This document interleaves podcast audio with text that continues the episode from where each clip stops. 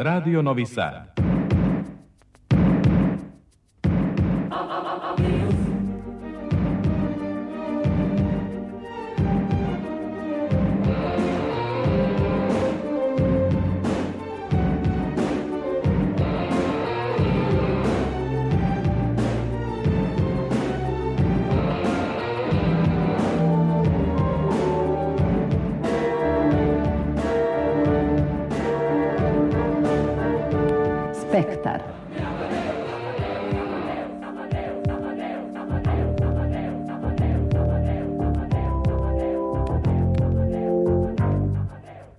Spektar.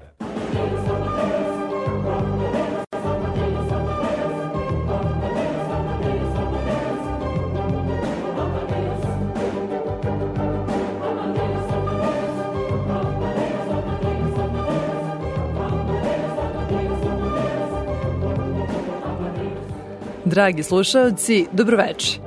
Ja sam Ivana Maletin Ćorilić, a vi pratite Spektar – Magazin za kulturu Radio Novog Sada svakog petka donosi prese kulturnih dešavanja i razgovore sa kreatorima i akterima domaće kulturne scene. Oktobar obilo je novim ostvarenjima pozorišne i filmske produkcije. Večeras ćemo govoriti o čak četiri pozorišne premijere održane širom Vojvodine. Magbeta u Srpskom narodnom pozorištu u režiji Nikite Milivojevića. Cat Claw u pozorištu mladih u režiji Majkla Helmerhorsta. Najnormalnijeg čoveka na svetu, rediteljke Milje Mazarak u Narodnom pozorištu u Subotici. I slike nepoznatog, reditelja Nikole Zavišića u Zrenjaninskom narodnom pozorištu Toša Jovanović.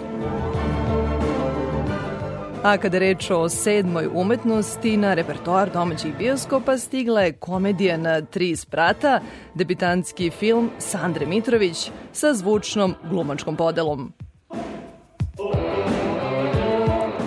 Sinoć je počeo 42. festival novosadskih muzičkih svečanosti Nomus, a u nedelju nam u Beogradu predstoji otvaranje 65. sajma knjiga. Nadam se da smo vam dali dovoljno razloga da ostanete uz Spektar.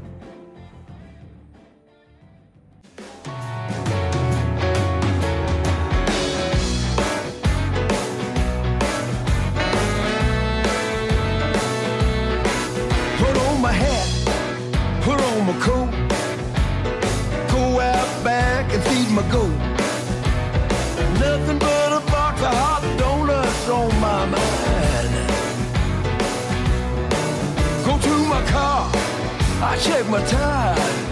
fill my pocket with my favorite set of pliers. I got some nuts to crack, hope they ain't mine. Got to be the first one up in the morning. You got to catch them while they're still in bed. You got to be quick, don't give them any warning. You got a better chance of not winding up dead. Place I, I got to go by. See the woman with the monkey with the glass eye. Maybe get a tip on an old friend of mine. His time is up. Today's the day. The monkey said it's time for him to pay. Everybody knows you gotta do what the monkey says.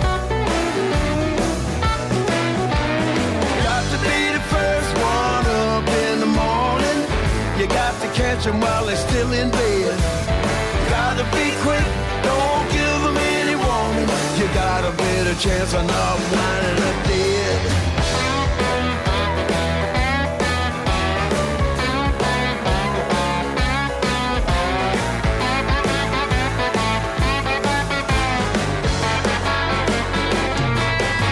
The day is done, my traps are run. Nothing but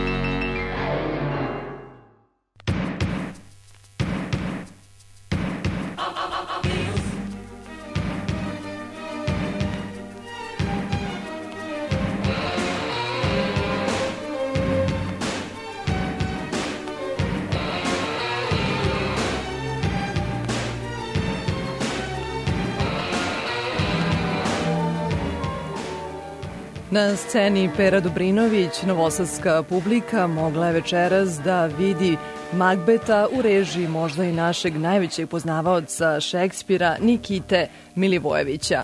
Prema njegovim rečima, to je novo iščitavanje drame kroz snove, zapravo košmarne snove. Cela predstava koncipirana je baš na tim snovima koji nas plaše. Premijerno je odigrana na festivalu Budva Grad teatar, a koprodukcija je više pozorišta. Srpskog narodnog pozorišta, Novosadskog pozorišta, Šekspir festivala iz Čortanovaca i Budva Grad teatra. O samoj ideji i nastanku predstave govori reditelj Nikita Milivojević u razgovoru sa Vesnom Farkaš. Šta nas više mori? Svest ili savest kroz tu REM fazu? E, pitanje je vrlo ovako složeno i teško dati jednostavno odgovor, ali ovo čini mi se deo odgovora jeste na ovo pitanje u Magbetu. Jeli, Magbet je pitanje savesti. Obično se kaže da je Magbet tragedija ambicije za vlašću, želja za vlašću. Ovo, i to jeste tačno, jeli? ali meni se uvek taj odgovor činio nedovoljan i nekako je pojednostavljen. Jer e, imao sam stalno utisak da je Macbeth mnogo složeniji, komplikovaniji karakter. Jer ako kažete želja za vlašću, ambicija, onda imate utisak da su stvari dosta onako logične i jasne. Jeli? Postavljene su nekako psihološki razumljivo. Ali ovde su postupci mnogo više nejasni, nerazumljivi, mnogo su u nekoj mračnoj zoni našeg nesvesnog, rekao bih. Kad sam već spomenuo nesvesno, od svih tih raznih tumačenja, i e, interpretacija Magbeta, meni se dosta dopala ona Freudova. Freud se bavio Magbetom. Smatra se da je Magbet u stvari tragedija Šekspirova najviše vezana za san. Zašto to govorim? Tako da i naša predstava, naše istraživanje sa ovim timom glumaca je bilo dosta vezano za snove. Konkretno, od trenutka kada mu veštice kažu proroštvo, meni se čini da stvarno za Magbeta postaje potpuno jedan košmarni san sve što živi više na samoj ivici, da li je moguće, da li je realno ili ne. Tako da je naša predstava e, inspirisana e, raznim mogućim i nemogućim slikama i snova koje prate priču. Priča je dekonstruisana, ali ima jednu unutrašnju logiku sa osjećanjem da u stvari kada gledate predstavu sve što se dešava, dešava se u stvari prvenstveno u glavi Magbeta.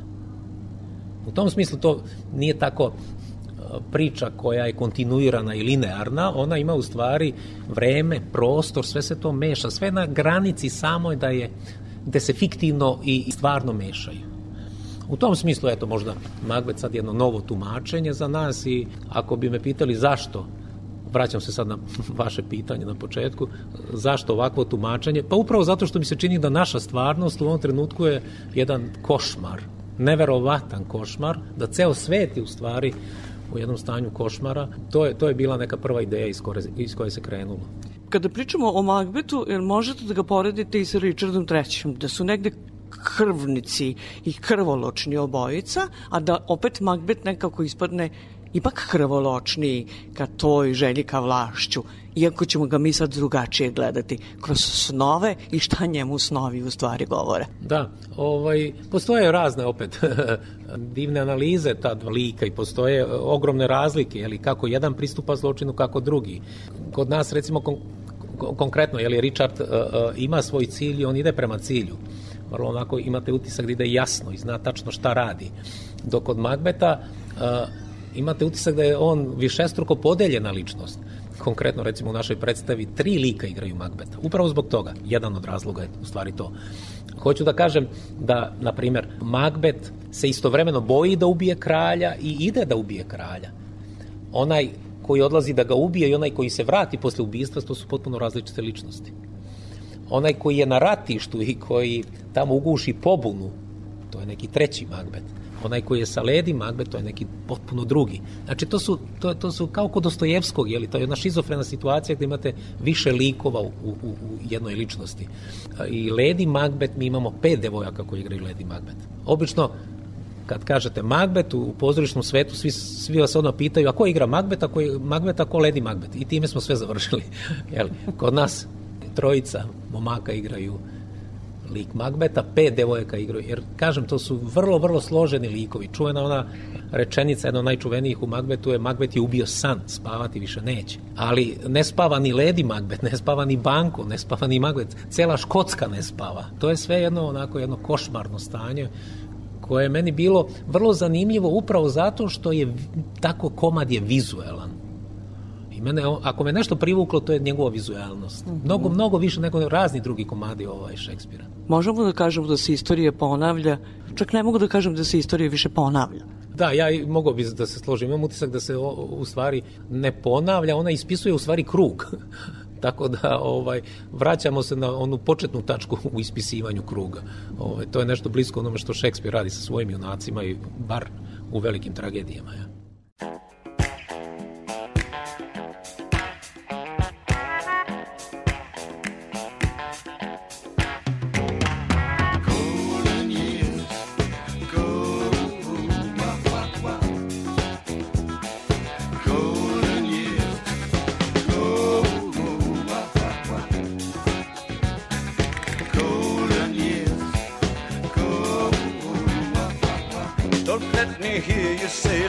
Taking you nowhere.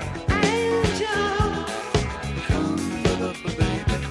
Look at that sky, life's begun. Nights are warm and the days are young.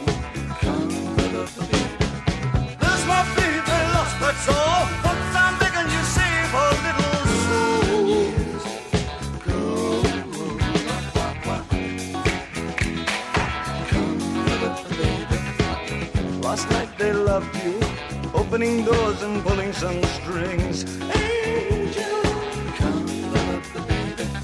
Then walk luck and you looked in time. Never look back, walk tall, act fine.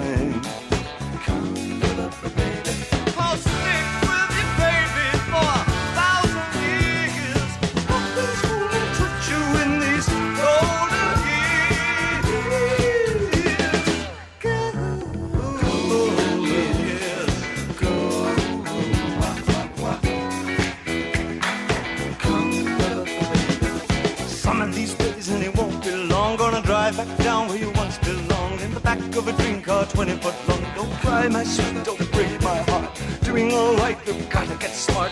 Wish upon, wish upon day upon day. I believe, oh Lord, I'll believe all the way. Run for the shadows, run for the shadows, run for the shadows in these golden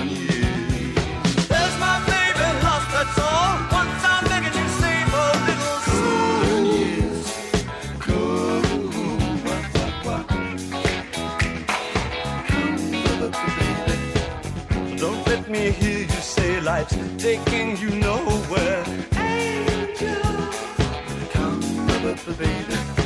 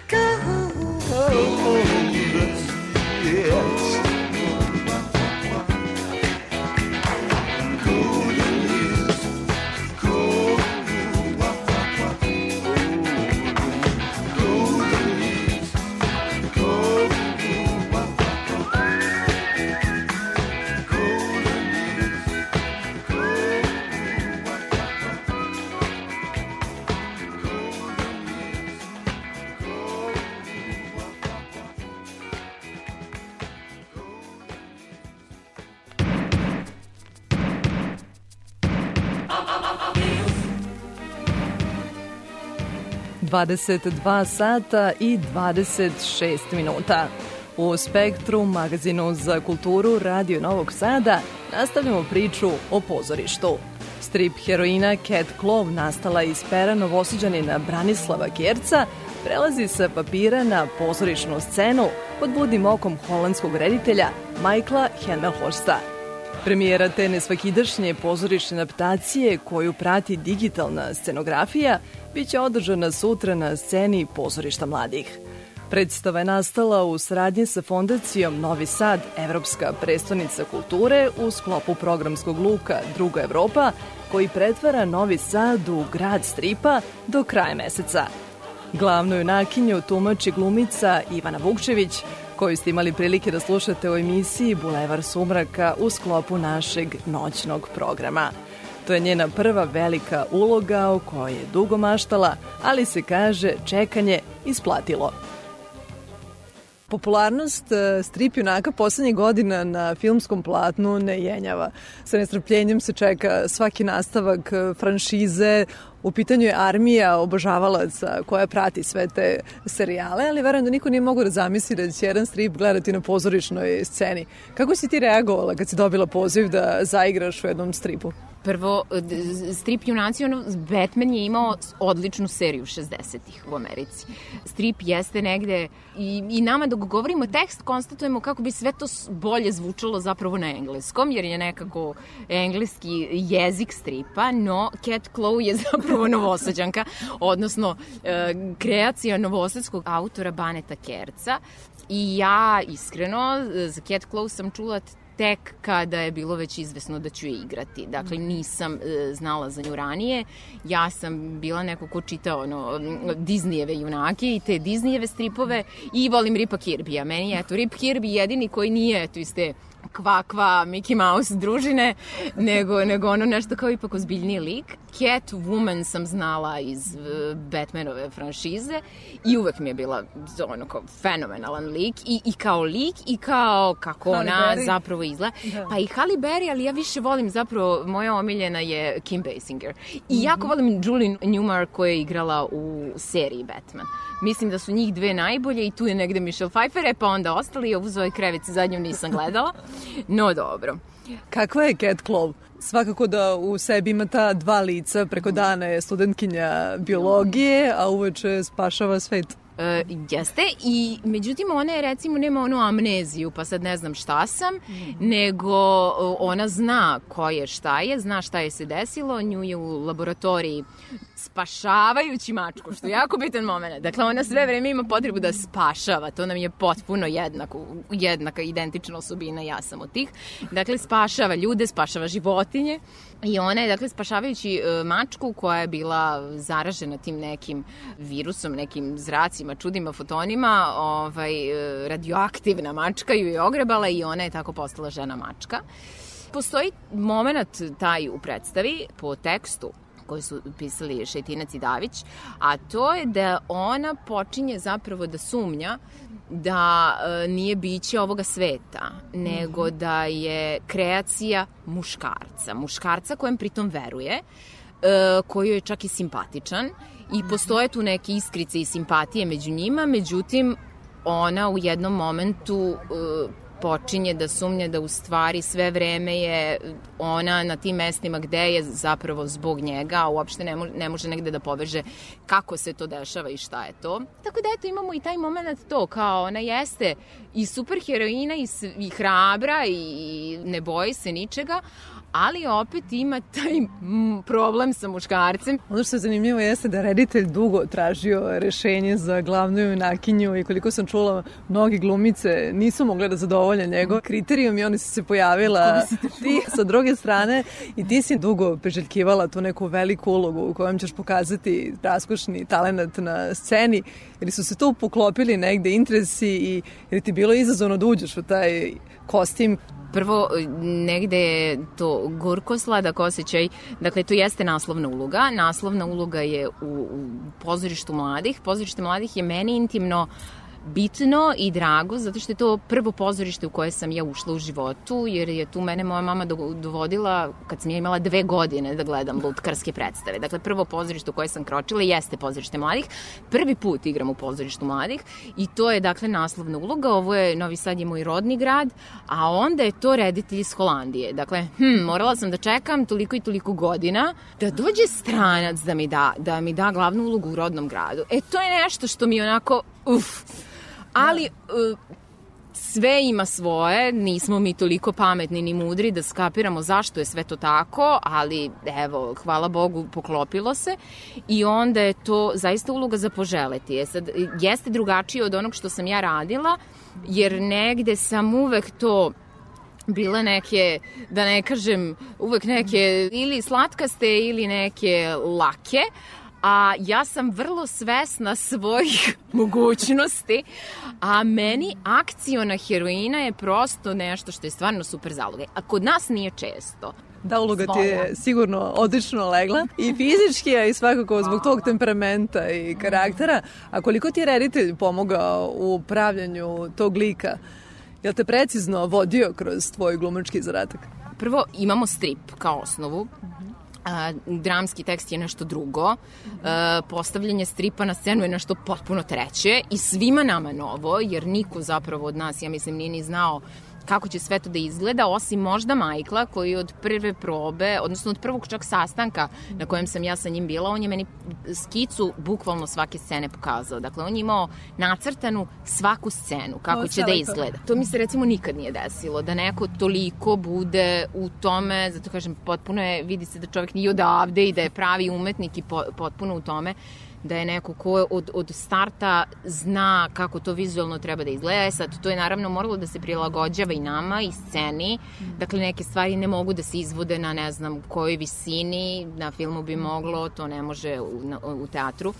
Ali koliko mi je pomogao, pa mislim, uh, Michael je jako uh, reditelj koji nam je dao zapravo svu slobodu. Imamo tekst, uh, dramatizaciju je radila Divna Stojanov, E, i mi smo negde, Michael nam je rekao, pošto je naravno stranac i ne razume srpski, da zapravo dozvoljava nam da mi od tog prevoda koji smo dobili i kakav nam je zapravo tekst na, na našem jeziku, da ga prilagodimo sebi. Negde smo više gledali da tripovsku sliku e, gledamo kako da najbolje prenesemo na scenu. I ja sam rekla danas, e, reku, meni je samo negde bitno volela bih da uh, fanovi stripa ne budu razočarani. Mm -hmm. Važno mi je jako bilo mišljenje gospodina Kerca, koji je autor Cat Claw, kad sam izašla na scenu u, u kostimu i on je rekao to je to. Da, filmskim autorima je mnogo lakše, oni imaju na raspolaganju i kompjutersku animaciju efekte, i specijalne efekte da. u pozorištu je gluma u prvom planu i ta scena. Koje sredstva ste vi koristili da tu priču približite gledalcima? Autorska ekipa je stvarno sjajna. Imamo Lazara Novkova koji je radio odličan song, koji je kao heavy metal song u koji ja upadam i onda kao i pevam i bijem se i pevam i nešto malo glumim. to izgleda fenomenalno. Drugo, živ band ti je na sceni uvek efektan. To ne može, se, ne može da se promaši sa, sa živim bendom. Pa onda dok traje scena neke velike tuče, sve vreme svira band. Ima divnih mladih glumaca, stvarno moram da kažem. Ima, ima ovih koji su klasići i koji su, ja kažem, prosto čovek da vas poželi da vas imao na klasi tako sve zajedno. Njima je toliko lako da rade jer se oni poznaju, oni funkcionišu predivno. I, ne znam, ja sam tu padobranac i e, kolega Nenad Popović, ali mislim da je Nenad već nešto tu igrao, nisam sigurna, mm -hmm. ali ne bih sad da garantujem. Sad ga šira publika poznaje po klanu, recimo. Mm -hmm. Ali imam Darka Radojevića, Miloš Macura, E, dakle, oni su svi ti neki, neke mlade snage, mm -hmm. nove nade, nove snage i kako da kažem, nema šta da brine ova zemlja za svoju budućnost, makar što se glumaca koji izlaze sa naše Novosadske akademije tiče, su oni stvarno sjajni i divno rade. I meni je lepo, ja kažem, ja prosto ne znam u čemu sam više uživala, da li u, u probama to sa svojim kolegama, glumcima ili u tim scenama borbi ili dok vežbamo song sa bendom, dakle meni onako sve, sve, sve se nekako lepo slagalo.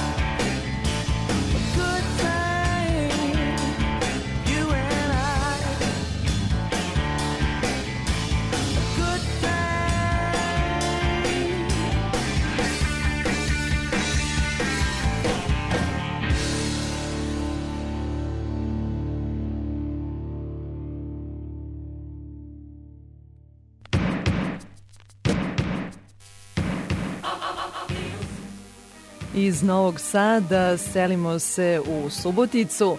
Naime, predstava Najnormalniji čovek na svetu prema istoimenom romanu Ivana Tokina, a u režiji Milje Mazarak otvorila je sezonu drame na srpskom jeziku Narodnog pozorišta u Subotici. Dramaturgiju te priče o vremenu u kojem živimo potpisuje Dunja Matić.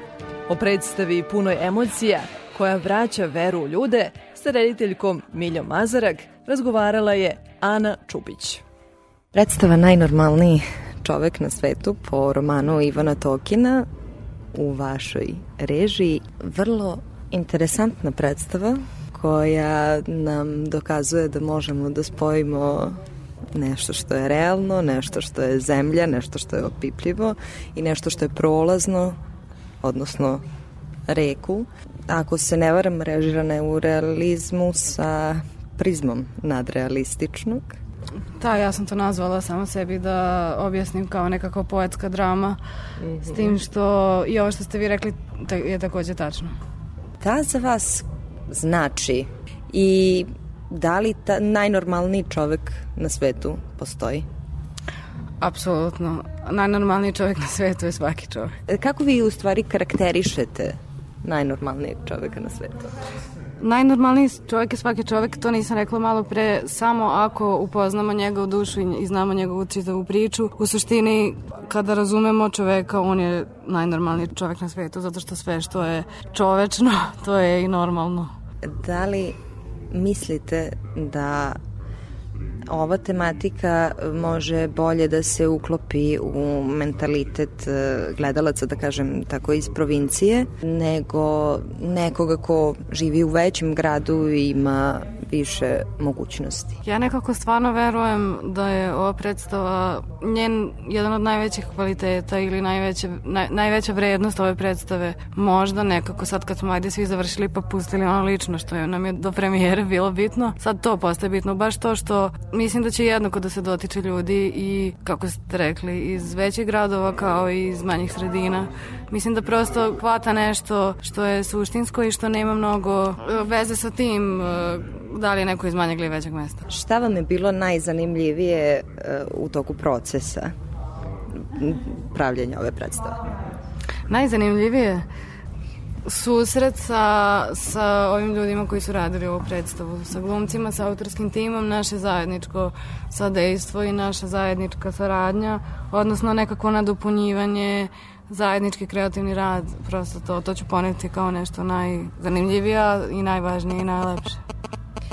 Ovo vam je zapravo, ako se ne varam, prva režija u nekoj kući da nije vezana za fakultet i akademiju, vi ste vrlo mladi i veći deo ekipe je mladi. To je jako, jako lepo videti da se mladi ljudi potpomažu.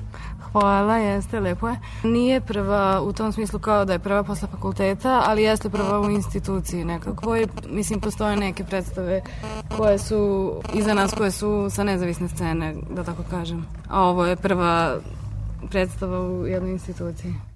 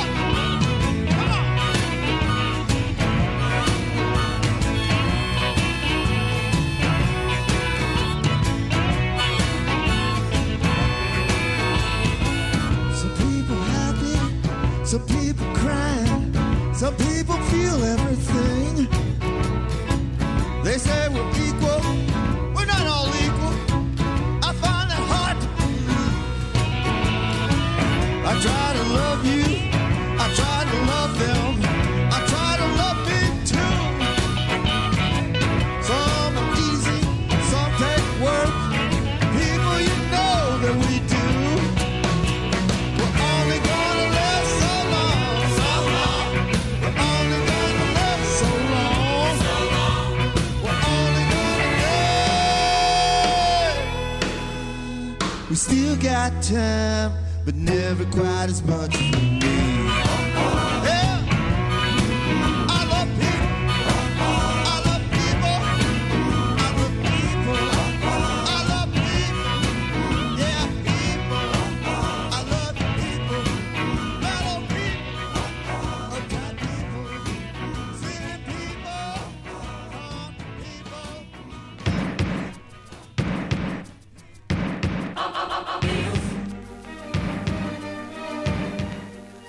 22 sata i 46 minuta.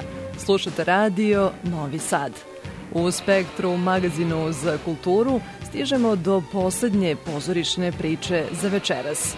Premijerom komoda Slika nepoznatog u postavci Nikole Zavišića i prema romanu Miodraga Kajteza, Zrenjaninsko narodno pozorište Toše Jovanović obeležilo je svoj dan i 183 godine postojanja. Predstava Slika nepoznatog nastala je u koprodukciji Zrenjaninskog teatra i Sterinog pozorja.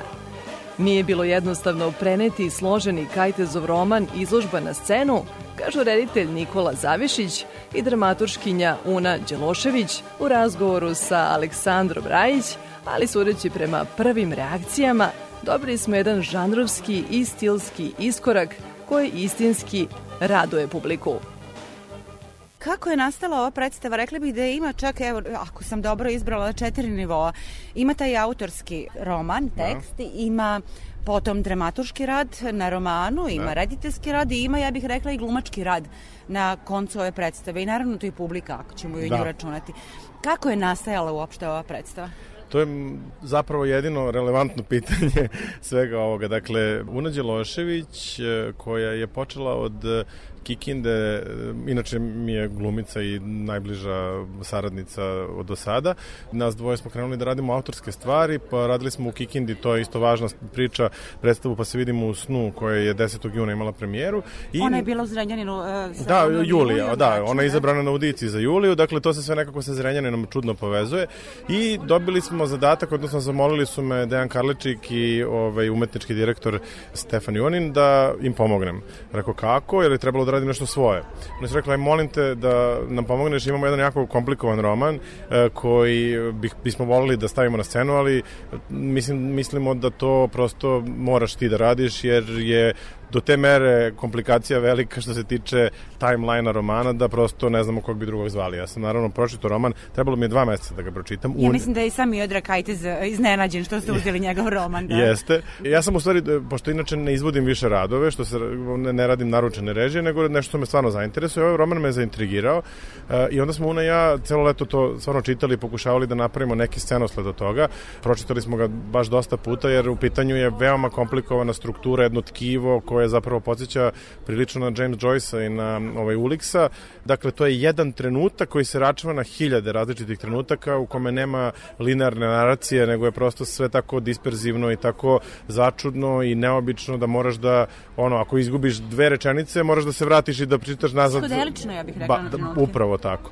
I onda smo e, krenuli sa glumcima da, da tražimo, pošto je zapravo Đorđe Milosavljević napravio prvu ruku dramatizacije koja nije ušla u našu scensku izvedbu, odnosno naš scenski tekst, da ga tako nazovem, e, već smo morali da napravimo poseban novi scenski tekst. Mi smo dakle krenuli e, inspirisani Ino Savljevićem, ali smo se vratili na roman i počeli da gradimo pre svega likove, pa onda situacije, a onda iz toga i naš narativ koji je užasno bitan, to je taj zeitgeist koji mi dotičemo ovde i vezan je isključivo za nas sada ovde u sali trenutno da gledamo predstavu i onda smo u stvari od tog scenskog vremena krenuli i onda počeli da se račvamo u različita scenska vremena u likove i situacije iz romana i tako je nastalo jedno vrlo neobično vatrometno bih nazvao delo koje je na, između groteske, farse, e, čiste komedije, poetske drame, e, lirskog pozorišta, znači neka mešavina svega. Bukvalno ima onoliko stilova koliko ima likova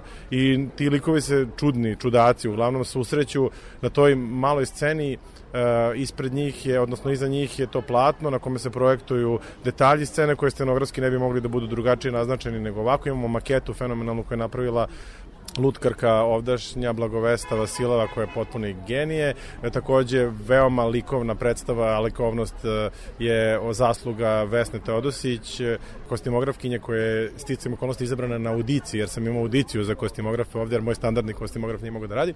Tako da na kraju je sve to ispalo kao neko, neki konglomerat svih tih snaga, a onda posebno glumačka ekipa, pa onda ti songovi o kojima smo pričali, koji su nastali na prvoj probi jednom igrom koju ja često sprovodim ovaj, tokom mojih proba, onda e, igra je da svako napiše po jednu reč koja ga asocira na roman koji smo čitali, pa onda od tih reči zapravo nastaje nekako niz splet misli koji onda stvaraju neki smisao. I na prvoj probi što je napisano, to je igrano večeras, e, dakle kad još nismo uopšte znali kako će predstava biti, tako da e, to me posebno raduje što nekako ta kolektivna nesvest proizvodi neku scensku svest sad na premijeri, na to sam baš direktno ponosan.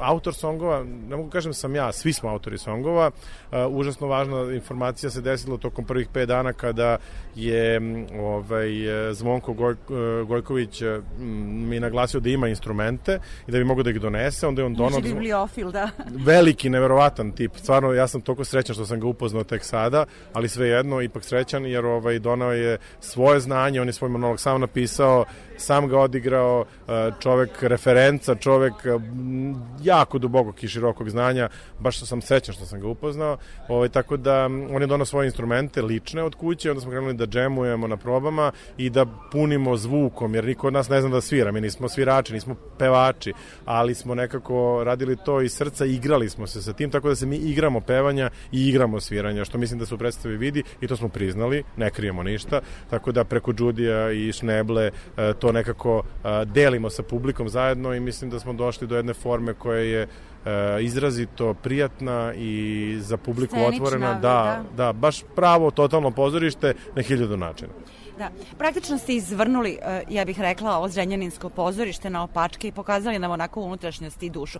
Kad ste pomenuli duh vremena, e sad ja, tu ima nekoliko referencija, ja bih rekla, ili light motiva, ima tu i trilera, ima tu i onih malverzacija s nekretninama, jel da, kojima prisustvujemo e, iz dana u dan. E, Ima zatim, e, kaže jedna rečenica, jedni žive u zgradi u kojoj su mrtvi, drugi umiru u zgradi u kojoj se živi, jako zanimljivo onako za naš trenutak. Poslednja slika koja će vas ispratiti sa ovoga sveta. Ono što nas ponese na kraju. Nisu ovi, to je znači skup svih ovih light motiva, to je neko osjećanje. Je li vam to bio cilj zapravo u ovoj predstavi? Apsolutno, to ste jako dobro rekli i mnogo mi je drago da se to da to izlazi e, iz glumaca, odnosno prelazi rampu i dolazi do publike, jer zaista jeste ideja osjećanje, to neko ne baš sasvim definisano osjećanje neke čudne e, pozitivne teskobe koja jeste Života i živosti u toj zgradi upravo to. Jer zaista postoje zgrade koje se zovu perpendikularna groblja koje su zapravo uspravna groblja. Ovo to je u Brazilu i Japanu već postala potpuno normalna stvar jer groblja idu u širinu i zauzimaju prostor. Ova visoka groblja zapravo e, nekako e, štede taj prostor. I sad to kod nas to još ne postoje ali ovo je fiction tako da možemo da zamislimo šta god. I onda ovaj, ova druga zgradica Parnjakuša to je zgrada u kojoj žive ovi naši ljudi koji zapravo umiru da bi se spasili život same zgrade. Mislim, vrlo je uh, absurdno, uh, paradoksalno i upravo taj paradoks mislim da smo uspeli da na neki taj čudni, poetično, scensko, lirički način, kroz komiku, grotesku i burlesku čak nekad uh, približimo publici i to sam vrlo srećan da se vidi. Ja se nadam da smo i ovim razgovorom bar delom približili publici ono što smo i videli večeraš na sceni. Hvala vam. Hvala Čestitke. vama puno, ja bih volao da sunom popričate, pošto ona tek pametnica jedna i ovaj, mislim da će vam prijati. Una? Una Đelošević, e, glumica ili dramaturg, dramaturškinja. E, Zrenjaninci su vas upoznali na predstavi Romeo i Julije, ja mislim da su sve nas dve tada upoznale i Milan Kolak je tada promovisan zapravo u ovom pozorištu, dakle jedna generacija mladih glumaca. Sad ponovo ste u Zrenjaninskom pozorištu. Šta ste radili sa uh, Kajtezovim romanom zapravo? Najkraće rečeno, čitala sam Kajtezov roman, ali u onom pravom smislu uh, u kom ta reč treba da se razume. Dakle, uh, dugo, temeljno, uh, više puta i kroz razne uh, prizme, kroz razne poglede. Dakle, čitala sam ga prvo klasično, zatim sam ga čitala iz ugla iz pozorišnog e, gledišta, dakle šta je to što pozorišno može da bude zanimljivo u pozorišnom prostoru i za, vezano za tela glumaca, dakle kak, koji su to pokreti koji su opisani, kako su opisani, kakav je to kvalitet pokreta, koje su to dinamike, onda iz ugla kostima kako bih e, povadila sve što je važno vezano za kostim, potom iz ugla dramaturga, jer sam takođe izvadila sve šta likovi govore, dakle sve one upravne govore, kako bismo to posle mogli da uvrstimo, u, inkorporiramo u dramatizaciju, tako da to mi je bio glavni zadatak. Nikola Zavišić, reditelj, on voli da kaže da sam ja druga glava njegova, tako da, eto. Šta ste uradili sa Zrenjaninskim pozorištem? Pretpostavljam da ste deo ansambla znali, dakle pokazali ste neverovatne njihove mogućnosti. Da, Nikola je birao glumce, e, tako da ja sam, kada sam došla, bila oduševljena podelom i kako je vreme prolazilo sve više i više sam shvatala koliko su to fantastični glumci, posebni, osebujni, dakle nude e, mnogo talenata, a ne samo taj jedan naš osnovni, već pod kapom tog glumačkog dara nose i muzikalnost i tancovalnost, dakle ono sve što nam je za našu umetnost još dodatni e, špric e, energije i, i lepote.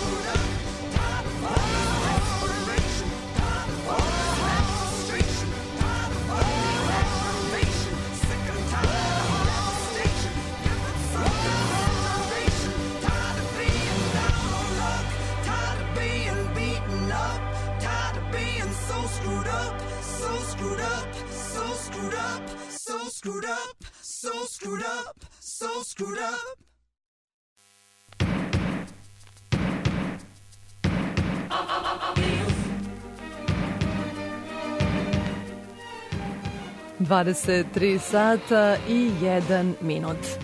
Nakon pozorišta u Spektru pažnju posvećujemo filmu.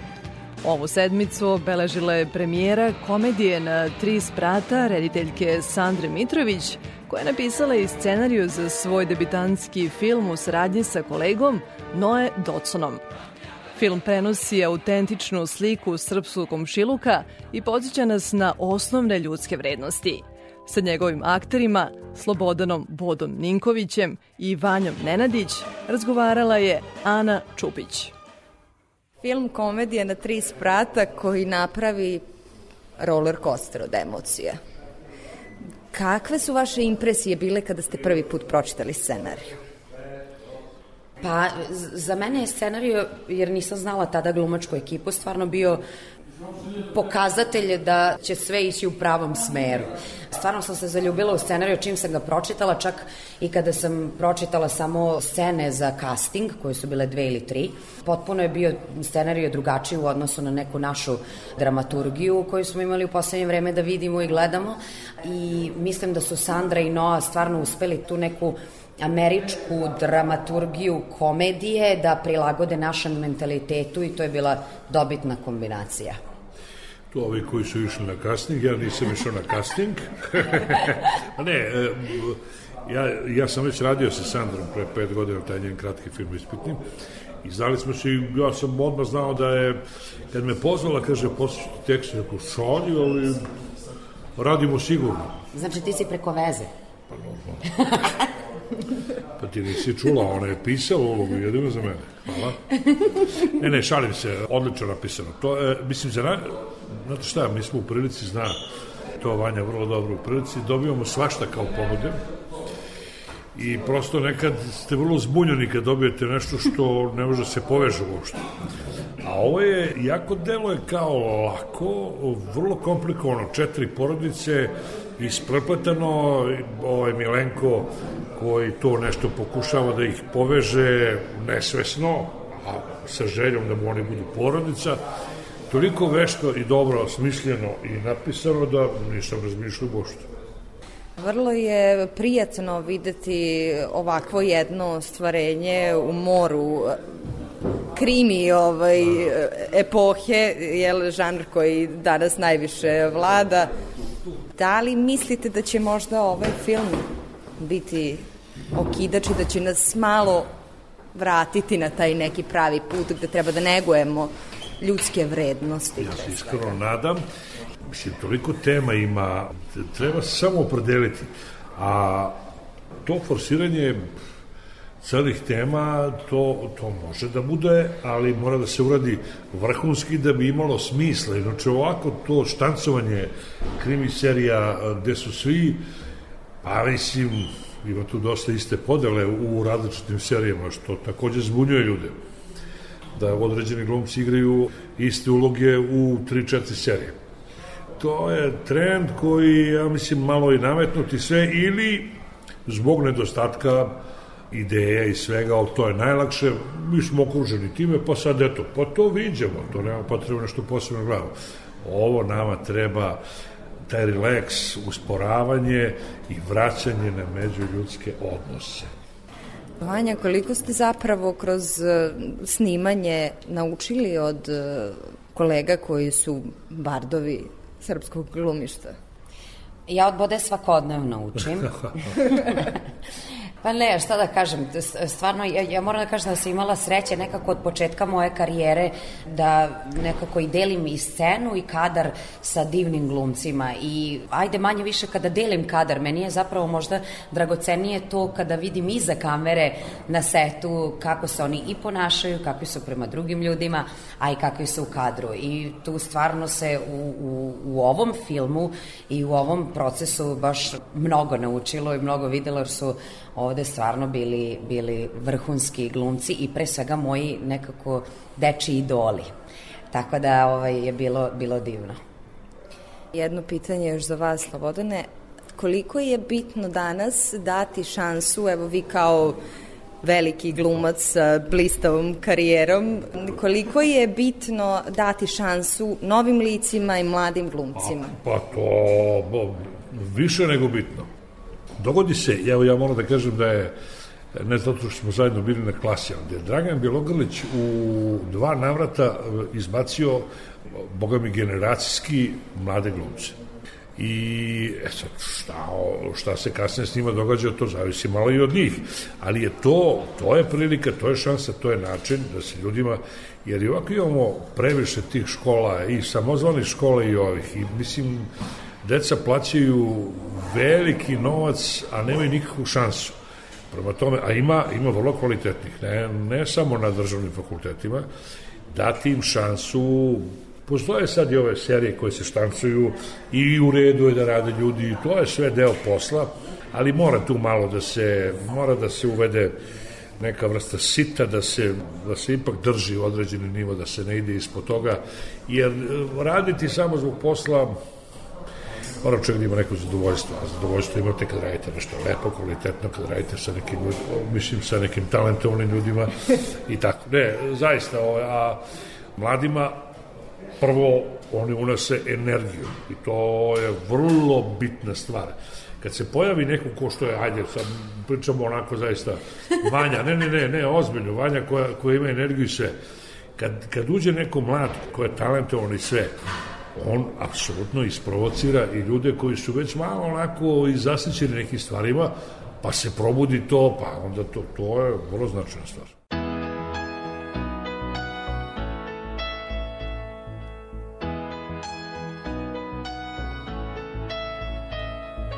There are so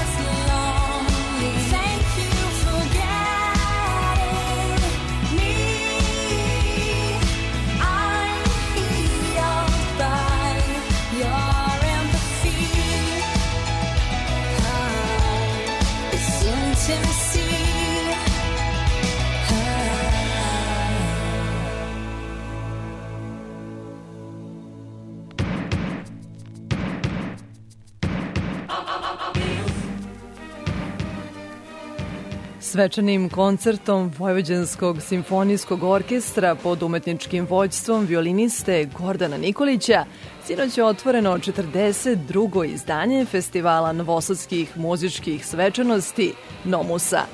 Kao gošća nastupila je violončeliskinja Selin Flamen iz Francuske. Na programu su bila dela Šerpantijeja, Bibera, Mendelsona i Bramsa. O programu sa Mijom Doroški Antonić iz muzičke omladine Novog Sada razgovarala je Vesna Farkaš. Sinoć otvorili 42. izdanje festivala Nomus, mnogim novoseđanima omiljeni. Šta je ono što nas očekuje u ovih sad već sedam festivalskih dana koje preostaju? Tako, imamo sedam, ja ću reći, velelepnih muzičkih dana nas još čeka u našem gradu. Idejno rešenje za ovogodišnji Nomus je zvezda i imat ćemo mnogo zvezda na žicama, na violini, violončelu, klaviru. Evo i jedna zvezda koja dolazi sa drugog područja, da krenemo od nje, nekako obrnuto, to je Tunižanin Dafer Jusef, e, koji svira ud, arapski instrument, za naše područje nešto potpuno drugačije. On je zaista jedna od najvećih zvezda savremene svetske world music scene. Dolazi u Novi Sad prvi put i to na festival Nomus i zbog toga smo jako ponosni. Kad smo već kod te otvorenosti još primjera, to je ansambl Januška, koji će praviti zanimljive kombinacije stilova, klasike, džeza, popa, latina. Bili su već u Novom Sadu, naša publika ih poznaje. Mislim da oni koji su bili na tom koncertu povešće sada i svoje prijatelje, kolege, da ih čuju, zaista su izvrsni. Španska trupa Per Pok, lutkarski teatar, znači to je još jedan programski iskorak ovogodišnjeg Nomusa, takođe izvrstan ansambl i izvode vanvremensko delo Roma i Juliju e, Sergeja Prokofjeva, dakle divna vanvremenska priča, ali na drugačiji način predstavljena. Što se tiče klasične muzike, naravno to je ono najfinije kamerno, sofisticirano muziciranje, Ove godine Romani prijatelji, dva programa, dakle naš proslavljeni violinista i, i danas je i dugi niz godina pre toga koncert majstor slavnog londonskog simfonijskog orkestra okupio je svoje kolege koji se prvi put sastaju, upoznaju, tako reći, u Novom Sadu i priređuju dve različite večeri kamene muzike. Jedan od velikih, jedna od velikih takođe zvezda koji će biti u okviru ta dva programa kamene muzike je Antonio Menezes, jedan od uh, najistaknutijih zvezda na, na, na svom instrumentu. Pozivam slušalce vaše da dođu obavezno da ga čuju.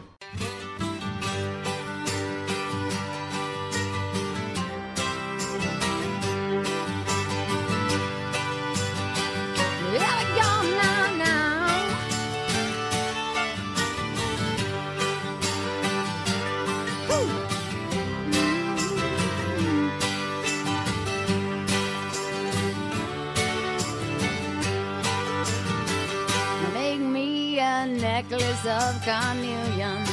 Buy me some ribbons for my hair. I will change like a chameleon if you show me that you care. Take a deep breath of this virtue. Remember who your princess is. Your smile will be the guardian of all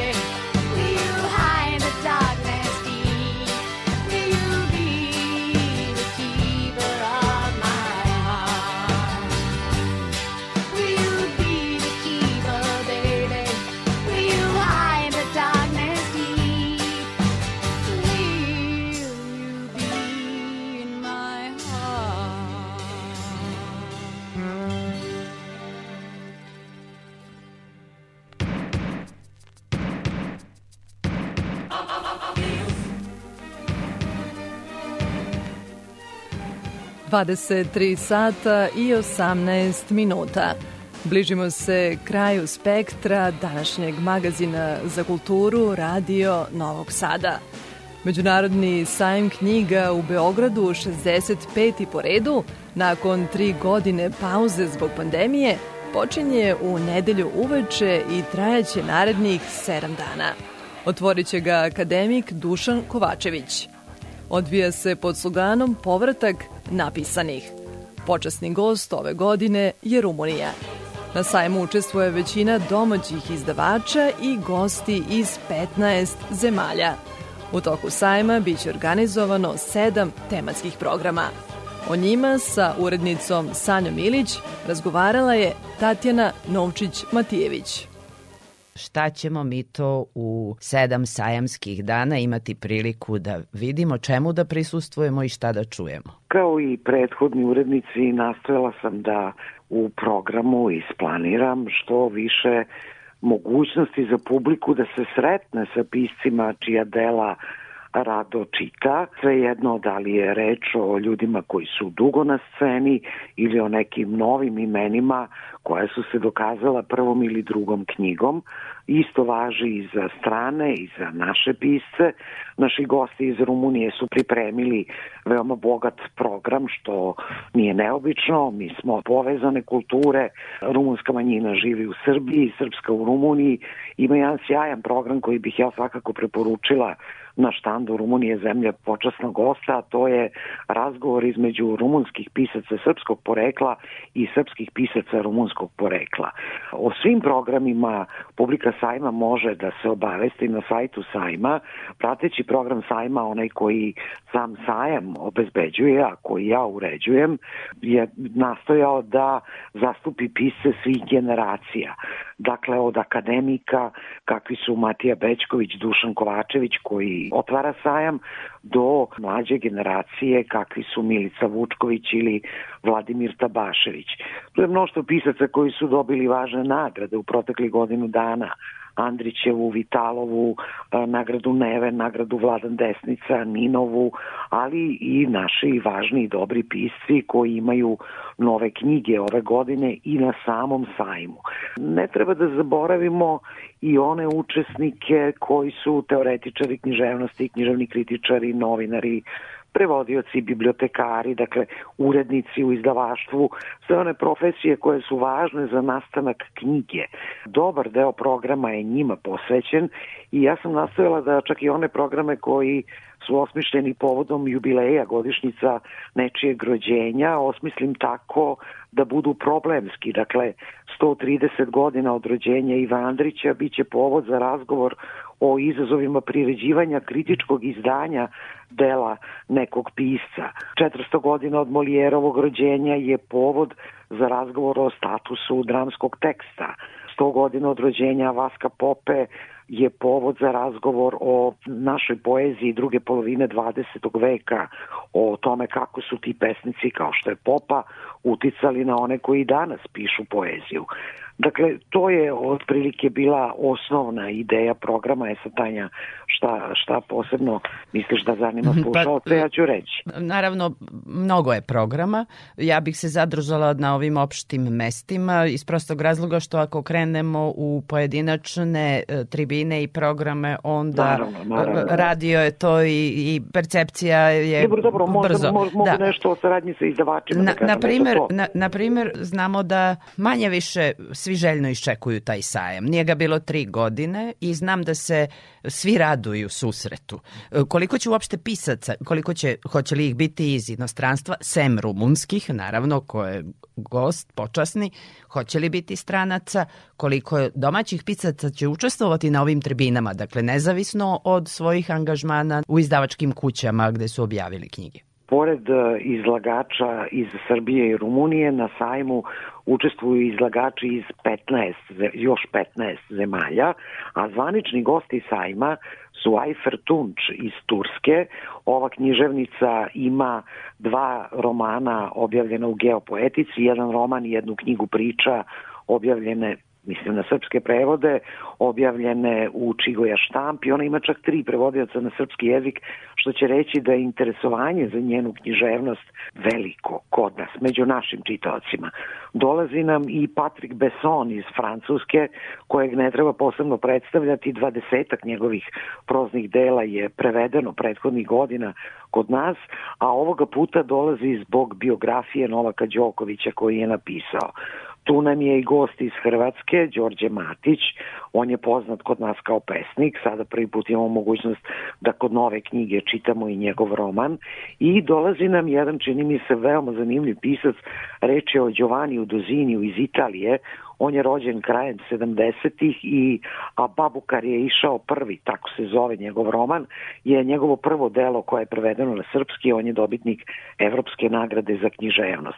Kada je reč o našim piscima, učestvovaće više od 40 domaćih pisaca u različitim programima, dakle neki imaju portrete, neki učestvuju u dijalozima, neki u problemskim tribinama i isto toliko uh, ljudi drugih profesija, dakle teoretičara, kritičara, uh, izdavača, novinara. Uh, veoma je važna i saradnja sa udruženjima izdavača, tri udruženja izdavača imaju svoje predstavnike u zvaničnom odboru sajma knjiga, a u saradnji sa njima počinjemo i zaokružujemo prateći program sajma U ponedeljak prvog dana sajma biće održan panel o autorskim pravima i pirateriji. Piraterija je još uvek veliki Da, da, nažalost veliki problem, da, da. Tako je, a Udruženje profesionalnih izdavača Srbije posljednjeg dana sajma u nedelju 30 organizuje konferenciju na koju su takođe pozvali ljude iz drugih organizacija pod nazivom Izdavaštvo i javni interes ta konferencija bi trebala da bude sveobuhvatna. Dakle,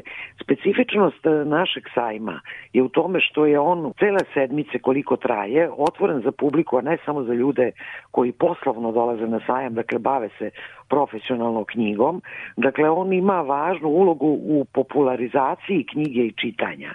I to je najveća kulturna manifestacija, to nije floskula, ne samo kod nas, nego i na Balkanskom poluostravu, jer vi se sećate, Tanja i slušalci, verovatno da je 2019. kada je održan prethodni redovni sajam, dakle 64. bilo više od 150.000 posetilaca sa kupljenom kartom. Da, da, da. To I, je I činjenica ogromno. jeste i da pisci iz regiona e, ne propuštaju Beogradski sajam knjiga. Ajde da se fokusiram na prosto jezik, jezike naših prostora. Svi negde Tako prepoznaju da međusobno, Beogradski da. sajam kao mes, neizostavno mesto gde se mora biti. Jer može da se vidi i po tome koliko se Rumunija dobro pripremila za svoj nastup. Oni su veoma vodili računa, recimo u grafičkom rešenju njihovog štanda biće figura pesnika Nikita Stanesku, koji je poznat, prevođen kod nas, Do- dovode autore koji su prevođeni, stalo im je da se povežu sa institucijama, sa Akademijom nauka, Narodnom bibliotekom, sa udruženjem književnika, dakle u saradnji sa tim institucijama oni imaju programe i van sajma. Dakle, to pokazuje koliko ljudi u inostranstvu naš e, sajam ozbiljno doživljavaju. Zato ja kada govorim o regionu uvek idem šire, ne samo ne govorim samo o zemljama bivše Jugoslavije, nego i o Balkanu i ovom delu Evrope, e, zato što je prosto naš sajam uticajniji. Šire i uticaj ima jer nema većeg sajma. Najveći evropski sajam je, razume se, Frankfurt, a svetski Peking, ali uh, ovde, blizu nas, ne postoji veći sajam. I kada već govorimo o Rumuniji, mislim da bi bilo jako lepo, imajući pre svega na umu činjenicu da je ovo razgovor za Radio Novi Sad, da je u okviru svih tih programa koje rumunski pisci i učesnici na sajmu organizuju, jeste i In Memoriam Ileani Ursu Nenadić, Kopča je. jeste Mhm. Nikita Stanes, koja je sa Nenadićem prevela tog velikana. Jeste. I čini mi se koja je kao redko ko bila ta velika i važna kopča između rumunske i srpske književnosti, kada je reč o prevođenju, o promociji i na jednoj i na drugoj strani uslovno govoreći granice, ali Tako je, jer uh, Banat je ono što povezuje naše dve kulture. Mnogo ljudi i govori rumunski jezik i razume rumunski jezik i voli uh, rumunsku ne samo književnost, nego i umetnost uopšte. Naprimjer, posljednjih godina s- novi rumunski film. Dakle, zaista je lepo što oni dolaze i što kao i mi njih, e, njihovu kulturu što ozbiljno shvatamo, tako oni ozbiljno shvataju našu kulturu i ja samo mogu da im kažem binac, venit ili dobrodošli. Vama hvala na ovom razgovoru. U nedelju u 18 časova akademik Dušan Kovačević proglasit će sajam otvorenim. E, Hoće li biti školskog dana ove godine? Da, školski dan je kao i uvek četvrtkom. Imamo i program namenjen dec, program koji se bavi dečjom književnošću. 100 godina je od rođenja Duška Radovića, sala u kojoj će se održavati ovi programi. Zove se po njemu i prosto je sajam knjiga prilika da se setimo tih nezamenjivih ljudi u istoriji naše književnosti. Za Spektar govorila Sanja Milić, urednica programa na 65. Međunarodnom sajmu knjiga u Beogradu, koji evo počinje u nedelju i trajeće naredne sedmice.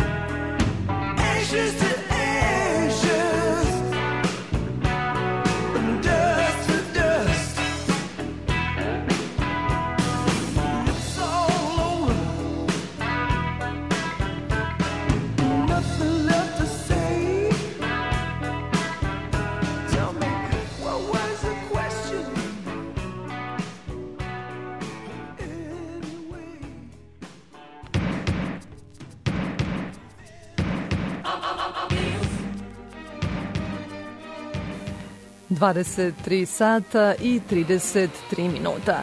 Stižemo do poslednje priče u večerašnjem spektru. Nagrada spomen zbirke Pavla Beljanskog, koja se 55. put dodeljuje za najbolji master rad, odbranjen na Odeljenju za istoriju umetnosti Filozofskog fakulteta Univerziteta u Beogradu za školsku 2021-2022 godinu, dodeljena je Sanja, Kipro, dodeljena je Sanji Kiproski za rad Beogradski opus Nikolaja Petrovića Krasnova. Prema rečima komisije, rad je napisan u klasičnoj tradiciji istorijsko-umetničke interpretacije i predstavlja doprinos boljem poznavanju delatnosti arhitekte. Sa Sanjom Kiproski razgovarala je Isidora Bobić. U svom master radu proučavali ste delo arhitekte Nikolaja Petrovića Krasnova. Šta bi bilo to inovativno što je vaša interpretacija donela u odnosu na dosadašnje tumačenja njegovog dela? Pa telo Nikolaja Petrovića Krasnova ovaj, dosta je istraženo. 70. godina prošlog veka započinje zapravo sa negde valorizacijom njegovih, njegovih doprinosa beogradskim i šire jugoslovenskim tokovima arhitekture, tako da ovaj, dosta toga je već pisano i, i u različitim kontekstima njegovi doprinosi su već analizirani. Tako da je bio i neki, negde izazov zapravo formirati nešto novo. Međutim, ovaj, u master radu se pojavljuje jedan projekat koji do sada nije analiziran, koji se nalazi i čuva se u Muzeju nauke i tehnike u Beogradu i tako da ovaj, on je analiziran, izvršena jedna komparativna analiza, to je možda jedan značajniji doprinos, pre svega krimskog njegovog perioda stvaralaštva, tog ranijeg perioda stvaralaštva i onda ovog poznog jugoslovenskog, tačnije u mom kontekstu beogradskog dominantnog perioda stvaralaštva. Da li bi to značilo da ste se dominantno bavili njegovom arhitekturom u Beogradu, dakle koja nam je danas ostala od njega u Beogradu? A, da, ja sam negde u svom master radu obuhvatila celovito njegov beogradski opus koji obuhvata 17 godina stvaralaštva, su te 30. i 20. godine a, prošlog veka. Dominantni fokus je bio na Beogradu i sagledani su ne samo oni, oni objekti koji su ostali, koji su izvedeni, mm -hmm. već i svi oni nerealizovani projekti koji su ostali iza njega, jer na neki način oni svedoče o njegovom tom autorskom rukopisu i idejama koje su njega zaokupljale. Da li vam je možda u planu nekakvo objavljivanje ove studije u nekom formatu knjige? A, pa... I kome bi ona bila namenjena? Ko bi bila čitalačka publika za tu knjigu? Razmišljala sam o, o tome da se to potencijalno objavi u okviru kao jedna monografska studija. A, pitanje je da li bi se ona bavila isključivo beogradskim opusom kao što je sada sagledano ili bi to bio negde širi taj jugoslovenski kontekst, to je još uvek negde neizvesno, ali postoji to promišljanje o, o potencijalnom objavljivanju, a, a knjiga bi pa dominantno bila namenjena najužoj, da kažem, publici akademskoj struci. Stru, najužoj struci jeste, o, ovaj, zato što negde to, taj master rad je tako metodološki koncipiran u okviru o, prosto nekih zahteva koje fakultet što ima. Tako da ovaj, dominantno bi bila to najuža publika, ali naravno ovaj, verujem da bi i drugi ljubitelji arhitekture mogli to da čitaju. Čestitamo vam još jednom na toj nagradi i hvala vam mnogo što ste govorili za Radio Novi Sad.